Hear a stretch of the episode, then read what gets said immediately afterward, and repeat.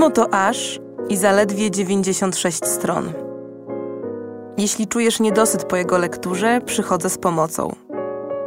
Oto podcast a propos, w którym polecam co przeczytać, co obejrzeć i czego posłuchać, aby poszerzyć swoje horyzonty i wiedzę.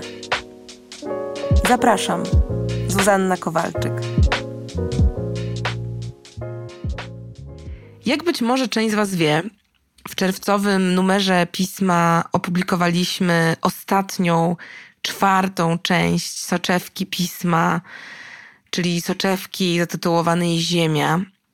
I między innymi z tej okazji nagrywam dla Was właśnie ten odcinek, czyli odcinek a propos bioróżnorodności. I trochę się obawiałam tego tematu, bo mam wrażenie, że słowo bioróżnorodność stało się jakimś takim hasłem kluczem występującym ostatnio w jakiejś kosmicznej nadprodukcji. Oczywiście rozumiem dlaczego i po co tak się dzieje, i oczywiście uważam to za rzecz absolutnie cudowną i też za ogromny sukces poszerzania jednak bądź co bądź jakiejś takiej rosnącej społecznej świadomości w zakresie kryzysu klimatycznego. Ale miałam obawę, czy da się w tym temacie powiedzieć cokolwiek nowego, nie wchodząc bardzo szczegółowo w detale. Oczywiście dużo nowego mówi na ten temat Tomek Ulanowski w wspomnianej czwartej części soczewki, którą bardzo Wam polecam przeczytać. Ale no właśnie, to trochę inna skala, trochę inna objętość. A moim zadaniem jest zachęcić Was do sięgnięcia po inne lektury niż tylko pismo, a do tego też po filmy, podcasty, no różne teksty kultury, które jakoś ten temat ciekawie podejmują, jakoś z nieoczywistej strony go gryzą, lub po prostu opisują go wyjątkowo przystępnie lub pięknie, jakoś interesująco ale też robią to w nieco większym szczególe niż to, co o bioróżnorodności wiemy w takim właśnie najbardziej ogólnym ujęciu, bo na pewno kojarzycie te wszystkie internetowe obrazki, na przykład taki, w którym następują po sobie coraz większe fale. Ta najmniejsza jest podpisana COVID, ta, która ją nakrywa, ma napis inflacja, następna jeszcze większa to przekroczenie tej złotej bariery podniesienia się średniej temperatury Ziemi o półtora stopnia. No a za nią największa fala, która swoją skalą przerasta wszystkie poprzednie, czyli właśnie symbol zaniku bioróżnorodności, co oczywiście bardzo upraszcza różne procesy, ale przede wszystkim pokazuje tę skalę zagrożenia i to, też poniekąd, dlaczego o tej bioróżnorodności w ogóle tak dużo mówimy. No i po prostu trochę tak jest, że przynajmniej to, co już wszyscy na pewno o bioróżnorodności wiemy, to to, że jest ona absolutną podstawą i gwarantem przetrwania naszego ekosystemu. No i że właśnie bez niej, jak taki domek z kart, będą się walić kolejne ogniwa życia na Ziemi co właściwie już się rozpoczyna, jako że zaczęliśmy wkraczać w szóste wielkie wymieranie gatunków. Od takiej memicznej strony pokazuje to też zresztą doskonale taka niosąca się po sieci grafika, komiks, składający się z trzech plansz. Na pierwszej jest napis rok 1990, człowiek prowadzący auto niezadowolony, bo ma masę rozmazanych owadów na przedniej szybie. Druga plansza to rok 2020. Człowiek za kierownicą zadowolony, bo ma czystą szybę, nie ma na niej żadnych owadów, a na pewno nie tyle, co zaledwie trzy dekady temu. Co w takim codziennym funkcjonowaniu może oczywiście wydawać się niekiedy bardziej wygodne. No ale po niej następuje kolejna ilustracja z napisem rok 2050, która przedstawia konsekwencje tego procesu, czyli czystą szybę i puste siedzenie kierowcy. No bo właśnie bez tych owadów ten rozpędzający się łańcuch konsekwencji doprowadzi przecież w końcu również do naszej zagłady. Więc tak naprawdę opowieść o bioróżnorodności jest przede wszystkim opowieścią o łańcuchu zależności, który rządzi życiem na naszej planecie. O tym, że jeśli naruszymy choćby jedno ogniwo tego łańcucha, to najpewniej posypie się cała ta skrupulatna konstrukcja, cała ta piramida. Właściwie to już się miejscami sypie.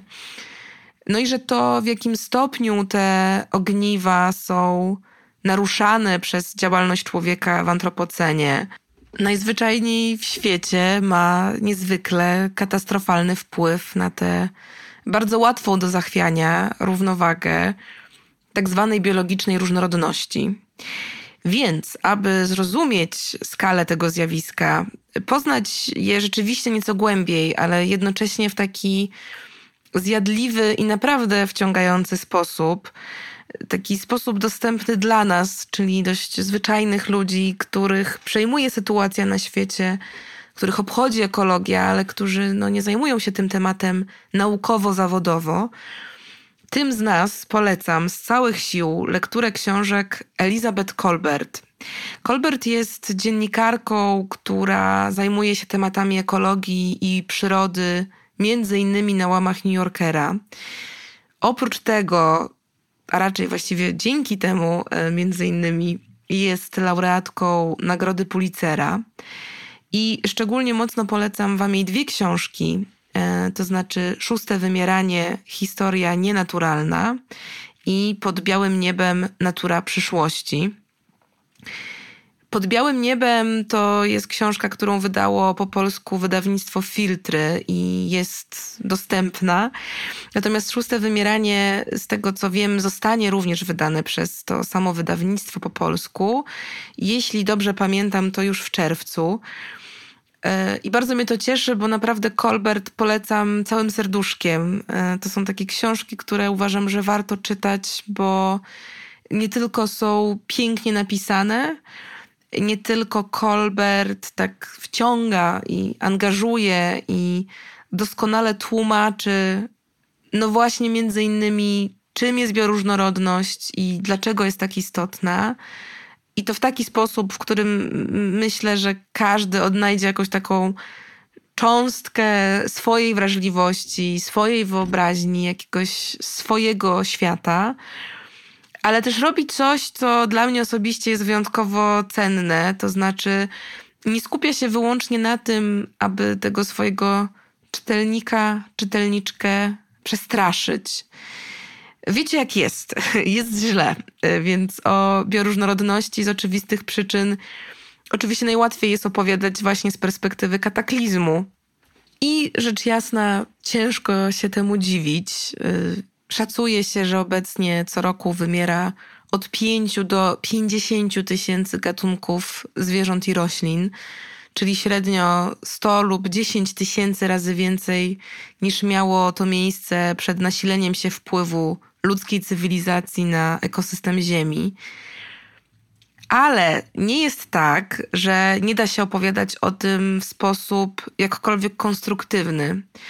Zresztą wydaje mi się, że jest to w ogóle jedyny sensowny sposób opowiadania sobie tak trudnych rzeczy, bo w innym razie trochę mija się to z celem. Więc Colbert właśnie obok zwrócenia uwagi na tę skalę zagrożenia, przywołuje też cały szereg rozmaitych strategii naprawczych, jakie możemy, powinniśmy wdrożyć, aby właśnie powstrzymać te najgorsze scenariusze późnego antropocenu.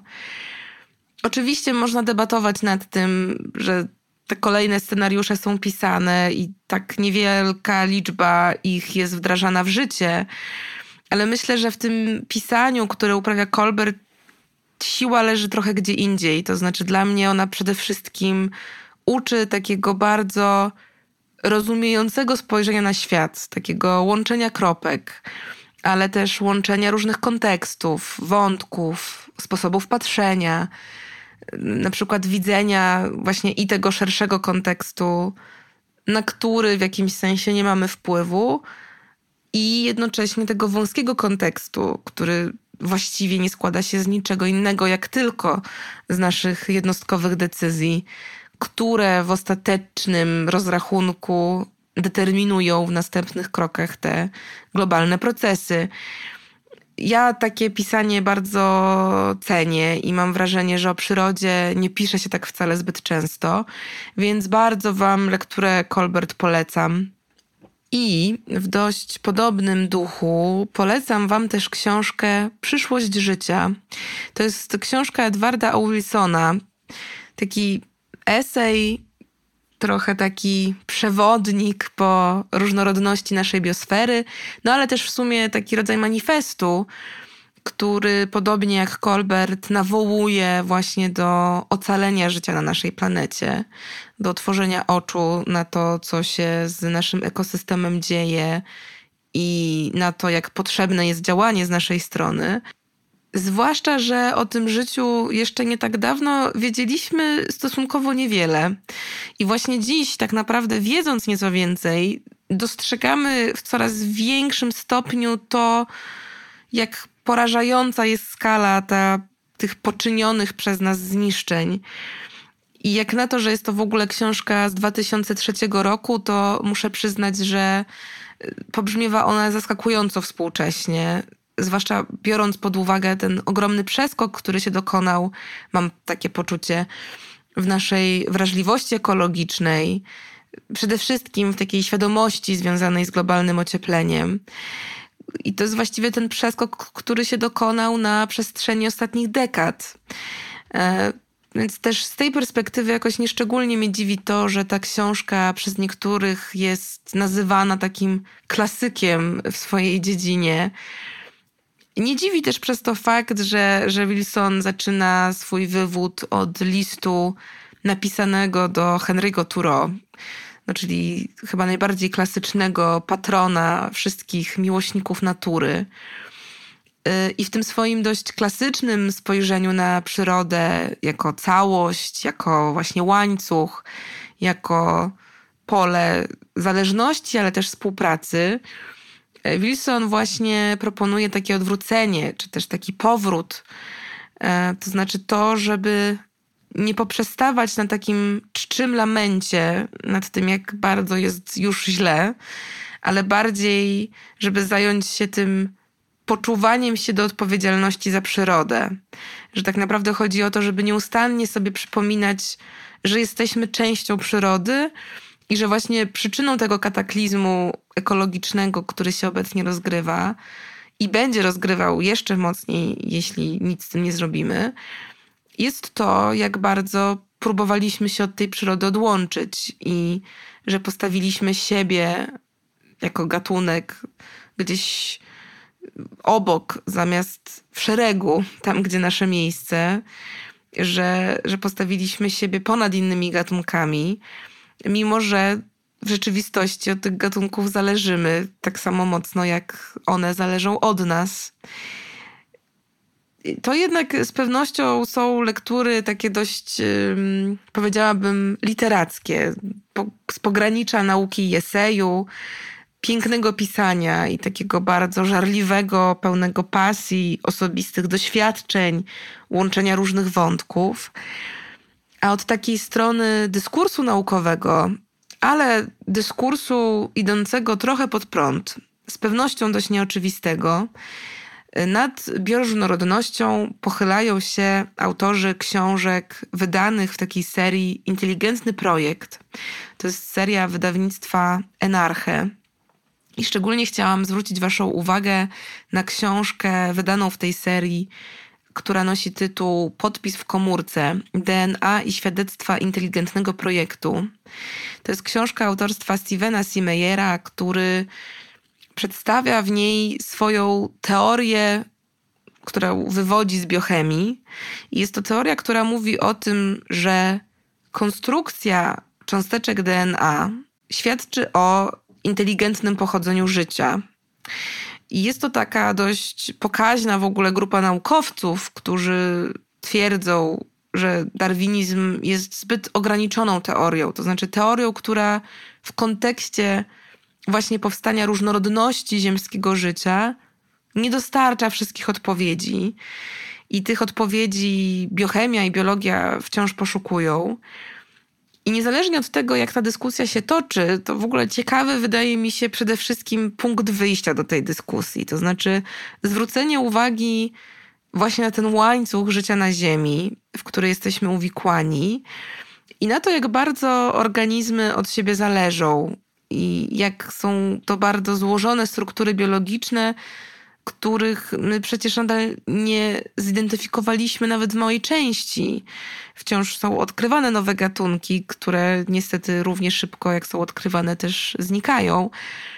Ale no to, jak te struktury są ze sobą posplatane, jak bardzo pewne założenie takiej przypadkowości w ewolucji kłóci się z różnymi nowymi też ustaleniami nauki, jest bardzo ciekawe, chociaż kontrowersyjne i jako dyskusja, która się wokół tej bioróżnorodności właśnie od tej strony genezy toczy, no to książka Majera na pewno jest tutaj jakimś ciekawym, oryginalnym głosem.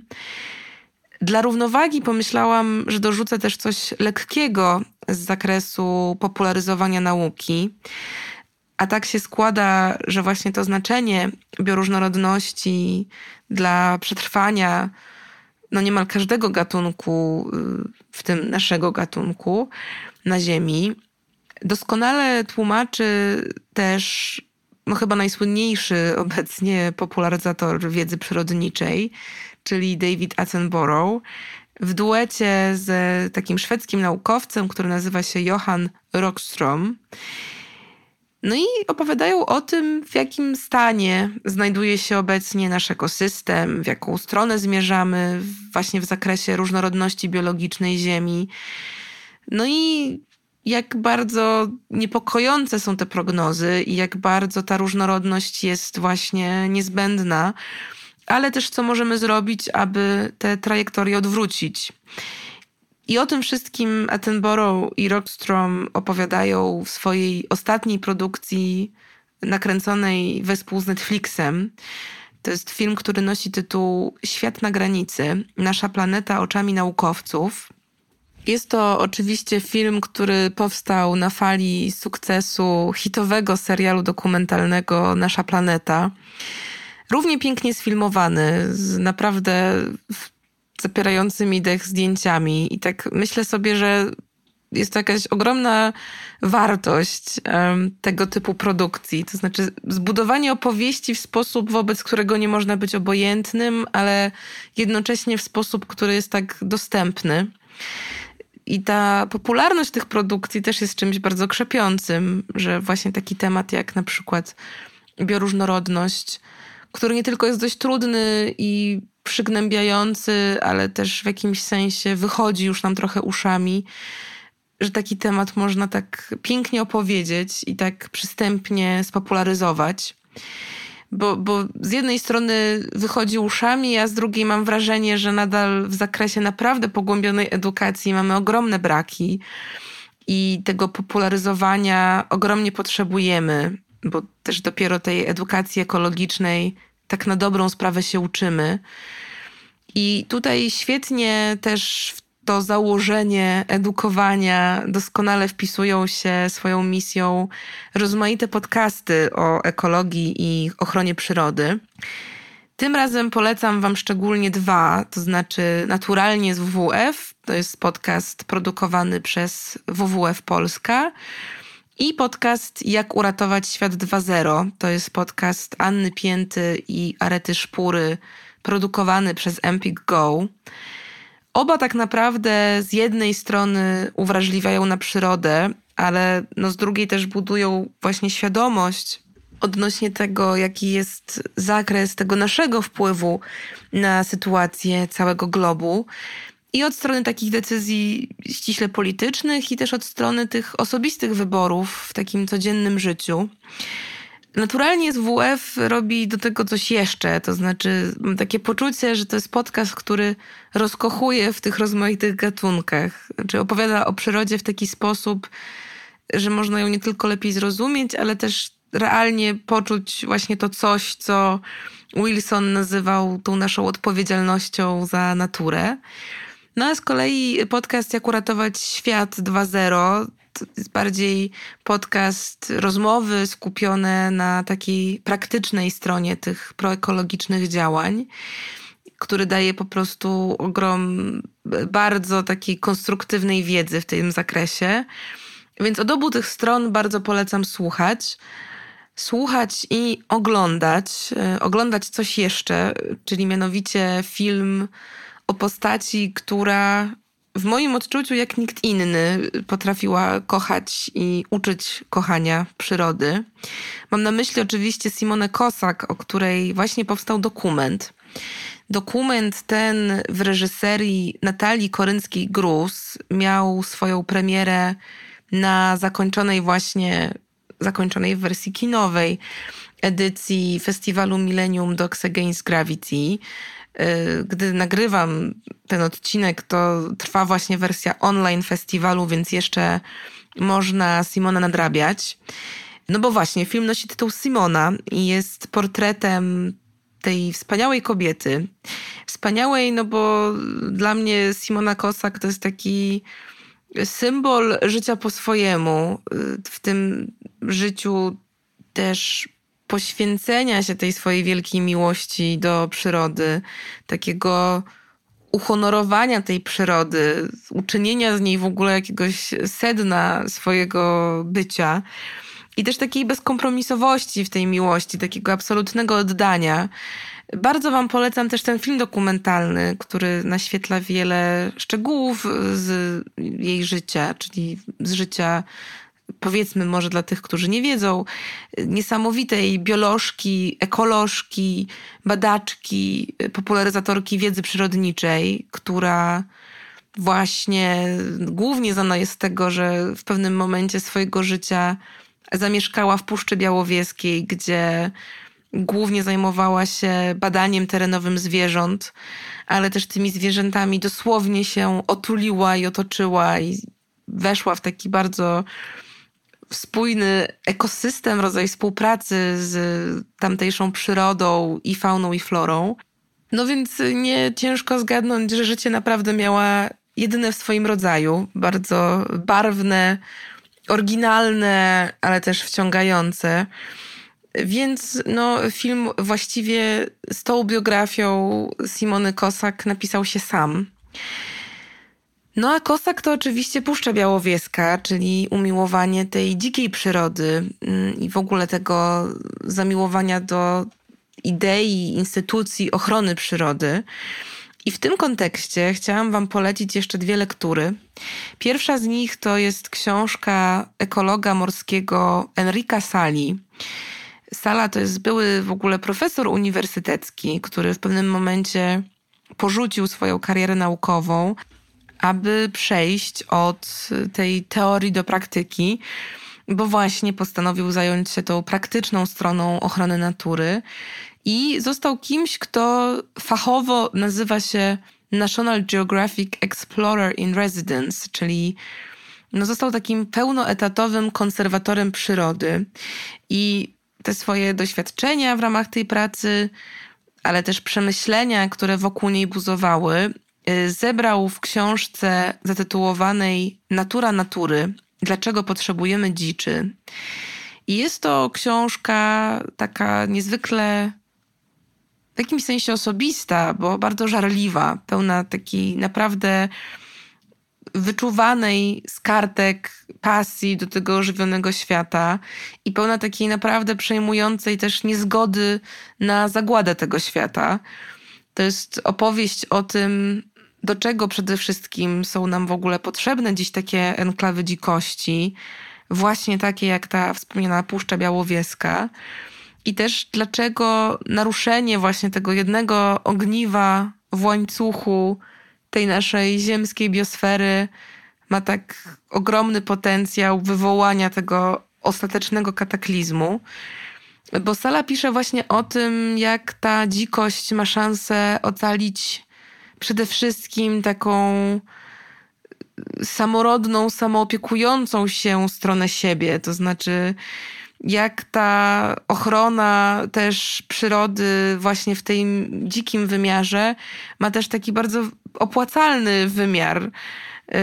jakkolwiek ten bilans obcesowy, dość rachunek zysków i strat nie brzmi bezwzględnie, to właśnie Sala zwraca uwagę na to, że jeśli przyczyną zagłady przyrody jest taki bardzo ekonomiczny rachunek w myśleniu o przyrodzie, to podkreślmy fakt, że ta przyroda jest w stanie doskonale zająć się sobą, jeśli tylko nie przeszkadza jej w tym człowiek. Że przyroda po prostu potrzebuje oddechu, potrzebuje pola, y, żebyśmy się troszeczkę przesunęli. I wtedy naprawdę sama poradzi sobie doskonale. To oczywiście bardzo silnie też rezonuje z tą wspomnianą już przeze mnie książką Wilsona i też samym Turo, o którym zresztą nagrałam dawno temu odcinek innego podcastu, podcastu Dziś w książce. To był odcinek, w którym o Turo rozmawiałam z profesorem Sławkiem. I w tym kontekście bioróżnorodności w sumie ten odcinek też Wam bardzo polecam, bo myślę, że ten temat właśnie takiego docenienia przyrody chwytał od takiej dość nieoczywistej i ciekawej strony. A na koniec polecam Wam jeszcze jedną książkę o dzikości, ale właśnie też o dzikości od trochę innej strony, bo od strony właśnie nie tylko wielkich rezerwatów i parków narodowych, ale też od takiej strony naszych miejskich przestrzeni i osiedli, i ogrodów, i generalnie siedlisk. Książka ta nosi tytuł Dżungla w ogrodzie ogrodnictwo na ratunek planecie.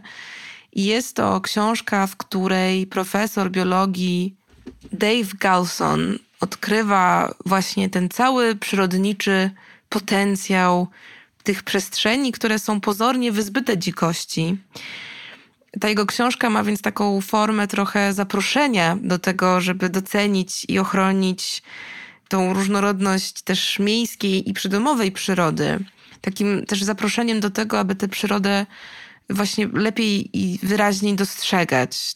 Również właśnie przed wejściem na klatkę schodową, pomiędzy płytami chodnika, że ta różnorodność natury, o której y, gadam tak zawzięcie od kilkudziesięciu minut, nie jest tylko jakimś takim wielkim konceptem, jakimś takim metaglobalnym poziomem, albo właśnie starym, pielęgnowanym lub po prostu zostawionym samemu sobie lasem, ale jest też właśnie tym owadem na szybie, albo taką roślinką kiełkującą gdzieś za płotem i że ta ochrona flory i fauny może się odbywać na bardzo wielu różnych poziomach i w bardzo różnych wymiarach. I tak właśnie mi zależało na tym, aby zakończyć trochę optymistycznie, y, bo mnie moje spacery z psem po mojej dzielnicy w Warszawie napawają jakimś optymizmem w tym zakresie jednak. To znaczy, idąc na taki półgodzinny spacer, przecinamy z moją kundelką zwącą się hałka zazwyczaj co najmniej kilka takich łąk kwietnych, które są objęte zakazem lub ograniczeniem koszenia. Mijamy mnóstwo rabatek, wydzielonych ogródków warzywno-owocowych, sadów. Krążymy też między tak zwanymi hotelami dla owadów, czyli takimi wypełnionymi różnymi naturalnymi materiałami domkami stworzonymi właśnie po to, aby ułatwić owadom budowę gniazd. Powstał też w okolicy ogrom bardzo różnych budek dla ptaków, naprawdę najróżniejszego typu. No i w mojej okolicy mieszka nawet para bobrów. I tak, to wszystko w środku Warszawy, e, więc wiem, że to wciąż niewiele i wiem, że to nie są rzeczy, które powstrzymają czy szóste wielkie wymieranie, czy rozmaite inne katastrofalne scenariusze dotyczące zaniku bioróżnorodności, ale są to dla mnie takie przynajmniej jakieś sygnały, że coś się w tym temacie dzieje i że trochę więcej widzimy i trochę więcej rozumiemy. I choć to jest wciąż kropla w morzu, to jednak i ta kropla w obliczu jakiejś przerażającej beznadziei jakoś cieszy. I już na sam sam koniec yy, chcę tylko przypomnieć nieśmiało, że zajęłam się polecaniem książek, filmów, podcastów, wystaw, spektakli itd. itp. od jeszcze nieco innej strony. Od trochę innej strony niż to, co robię tutaj, czyli w podcaście a. To znaczy, ruszyliśmy w piśmie z newsletterem, który jest dostępny dla prenumeratorów i prenumeratorek. Ten newsletter nazywa się Zachwyty Pisma i, i piszę w nim o tym, tak, tu nie ma niespodzianek, o tym, co jeśli chodzi o kulturę, w danym miesiącu mnie zachwyciło.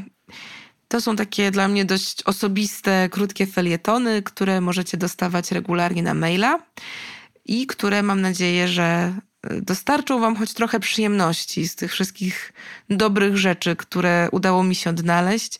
I, I super to jest dla mnie okazja, żeby się tą przyjemnością trochę z Wami podzielić. Więc bardzo Was zachęcam do zapisywania się na listę subskrybentów. A jeśli nie prenumerujecie pisma, a chcielibyście to zrobić, to w opisie tego odcinka znajdziecie kod zniżkowy specjalnie dla słuchaczy i słuchaczek a propos, zwłaszcza dla tych najbardziej niestrudzonych, czyli tych, którzy dotrwali do końca tego odcinka, za co jak zawsze bardzo Wam dziękuję i jak zawsze żegnam się słowami do usłyszenia niebawem.